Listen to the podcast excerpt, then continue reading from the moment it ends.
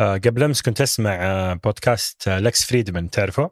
إيه من من أرهب البودكاستات كذا باسلوبه الهادي والمواضيع ال- ال- العلمية والناس الرهيبة اللي يجيبهم. إيه. فكان مستضيف سام ألتمان اللي هو مؤسس شركة OpenAI اللي هي أنتجت للعالم ChatGPT وحركت سالفة الذكاء الصناعي آخر يعني كم شهر. فجاء طاري فيلم Ex Machina فجاء سام ألتمان قال لا والله ما شفت الفيلم. أنا أنا حطيت يدي على راسي. قلت لا لو سمحت.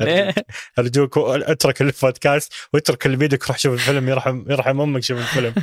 هذا الفيلم اسمه Ex Machina شوف سالفة الذكاء الصناعي اللي يقضي على البشرية وكذا. إيه ه- هذا هو الفيلم. الفيلم يوريك أوه. آه، تجربة لشركة أنتجت ذكاء صناعي ووضعته في روبوت بشري يعني.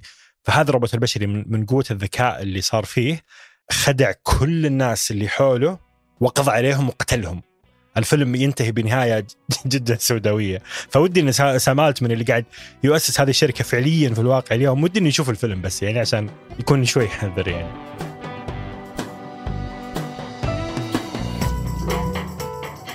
هذا بودكاست الفجر من ثمانية. بودكاست فجر كل يوم. نسرد لكم فيه سياق الأخبار اللي تهمكم. معكم أنا حاتم النجار. وأنا أيمن الحمادي. في الخبر الأول اليوم الحكومة الفرنسية تطلب سجلات الغياب خلال عيد الفطر. وفي الخبر الثاني هدنة مؤقتة في السودان.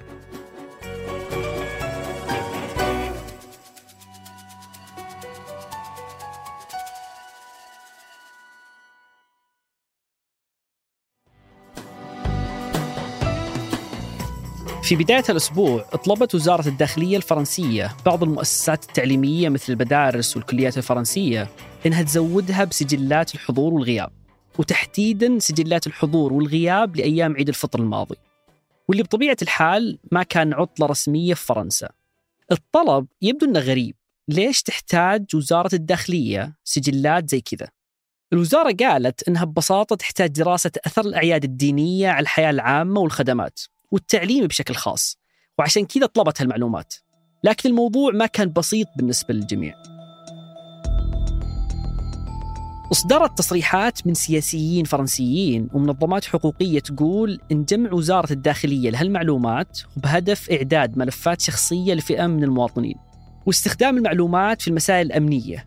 وأكيد طبيعي ترتبط معظم الغيابات خلال عيد الفطر بالطلبة المسلمين. حتى اتحاد مساجد فرنسا طالب بإجراء تحقيق وتوضيح رسمي عن مصير المعلومات اللي قدمتها المؤسسات التعليمية للشرطة. وبالرغم أن وزارة الداخلية نفت رغبتها بإعداد ملفات للطلبة حسب ديانتهم إلا أن الموضوع تسبب بجدل واسع في فرنسا.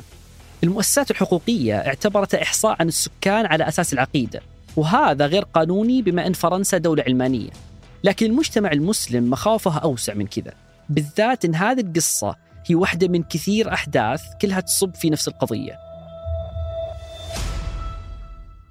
في السنين الماضية تجدد النقاش عن المسلمين في فرنسا إما من خلال تقارير توثق العنصرية ضدهم في التوظيف والمدارس أو استكمالا للجدل الواسع والمستمر عن منع الحجاب. واللي يشتد خلال أي حملة انتخابية جديدة وأكيد بتصريحات الرئيس إيمانويل ماكرون المتكررة عن وجود نزعة انفصالية إسلامية راح يواصل محاربتها. لذلك اللي خلى طلب وزارة الداخلية الأخير مهم هو أنه مو بحدث منفرد والدليل أن الجدل انتقل إلى خارج فرنسا بعد. فمثلا أصدر مجلس العلاقات الأمريكي الإسلامية بيان ضد جمع معلومات الطلبة المتغيبين. وقارن اللي قاعد يصير في فرنسا مع إجراءات شرطة نيويورك بعد أحداث 2001 وتجسسها على المؤسسات الإسلامية زي المساجد والمراكز التعليمية عبر وحدة مراقبة خاصة وبدون إذن قضائي.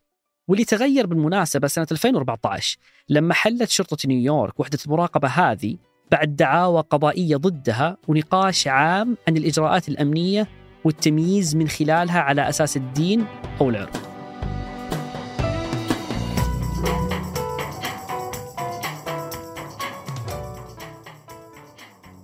قبل خمس أسابيع بدأت جولة عنيفة من الاشتباكات العسكرية في السودان بين قوات الجيش بقيادة عبد الفتاح برهان وقوات الدعم السريع بقيادة محمد حمدان دقلو المعروف بحميدتي لكن أعلن عن هدنة بدأت من يوم الاثنين هالأسبوع. خلال هالخمس أسابيع الماضية تم الإعلان مرات عديدة عن هدنة بين الطرفين. تتضمن وقف لإطلاق النار وتسهيلات لضمان وصول المساعدات الإنسانية للشعب السوداني. لكن بعضها ما كان يتم الالتزام فيها وبمجرد ما تنتهي الهدنة تزيد كثافة الاشتباكات العسكرية المسلحة وترجع حالة الحرب. إلى أن وصل عدد الضحايا حسب إعلام منظمة الصحة العالمية ووزارة الصحة السودانية لأكثر من 700 قتيل وخمس آلاف إصابة بين المدنيين.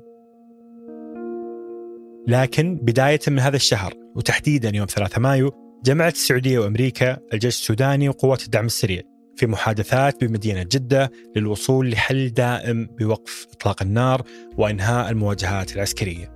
استمرت النقاشات لمدة عشر أيام تقريبا في جدة ووقع الطرفين على اتفاقية من أهم بنودها حماية المدنيين وإيصال المساعدات الإنسانية لهم وانسحاب القوات العسكرية من المستشفيات والعيادات والسماح بدفن الأموات.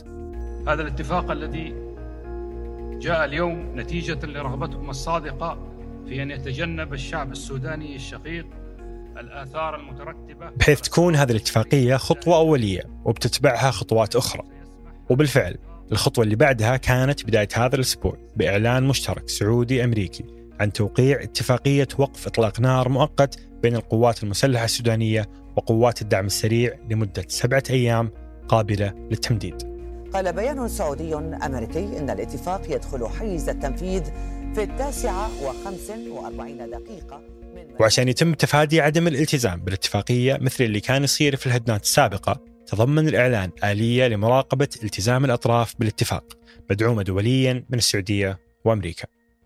يوم الاثنين من هالأسبوع كانت بداية الهدنة حسب الاتفاق وبالرغم من أن هالهدنة تم الوصول لها بعد مناقشات بين الجيش السوداني وقوات الدعم السريع وفي عليها مراقبة التزام إلا أنه نشرت وكالة رويترز روايات لشهود من الخرطوم عن وجود مقاتلات تحلق في سماء العاصمة وسماعهم لأصوات قصف كثيف في شرقها وفي مدينة مدرمان.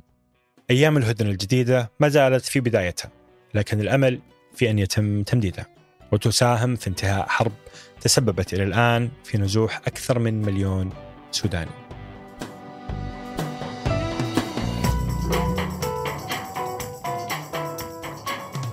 وقبل ننهي الحلقة هذه أخبار على السريع. أعلنت أكاديمية العلوم الصينية أنها حصدت محصول بذور الأرز من المحطة الفضائية الصينية. سموها محاصيل المستقبل. وصلت الفضاء كبذور وانبتت على مدار 120 يوم في المحطة الفضائية. ورجعت المحاصيل والبذور الجديدة الآن على المختبرات في كوكب الأرض حتى تبدأ مرحلة البحث والتحليل لدورة حياة النبات في الفضاء. وهذا أكيد إنجاز كبير للصين كون الزراعة في الفضاء من أكبر مجالات التنافس بين الدول. اكشفت نيوز جارد المتخصصة في المعلومات المضللة عبر الإنترنت عن وجود 49 روبوت إخباري وهي منصات إخبارية أنشأتها روبوتات بواسطة الذكاء الاصطناعي بعض المواقع هذه تنتحل أسماء مواقع للأخبار السريعة وغيرها ينشر نصائح حول أسلوب الحياة أو أخبار المشاهير والمثير أنها تنشر بأكثر من لغة وما تكشف للمتصفحين إنها مدعومة بأدوات الذكاء الاصطناعي ابدا. دراسة أمريكية جديدة تقول أن أحجام الطيور في أمريكا الجنوبية والشمالية صارت أصغر عبر السنين مع ارتفاع درجة حرارة كوكب الأرض. رجعت الدراسة ل 86 ألف عينة من الطيور على مدار ال 40 سنة ولقت أن الطيور يتغير حجمها وشكلها استجابة لتغير المناخ خصوصا أن معدلات تكاثرها عالية وسريعة مقارنة بكائنات ثانية وحجم الجسم الكبير بيزيد من خطر الانقراض ولأنه يصعب التكيف مع التغييرات المستمرة والسريعة. لذلك الأنواع الصغيرة ممكن تتكيف أفضل.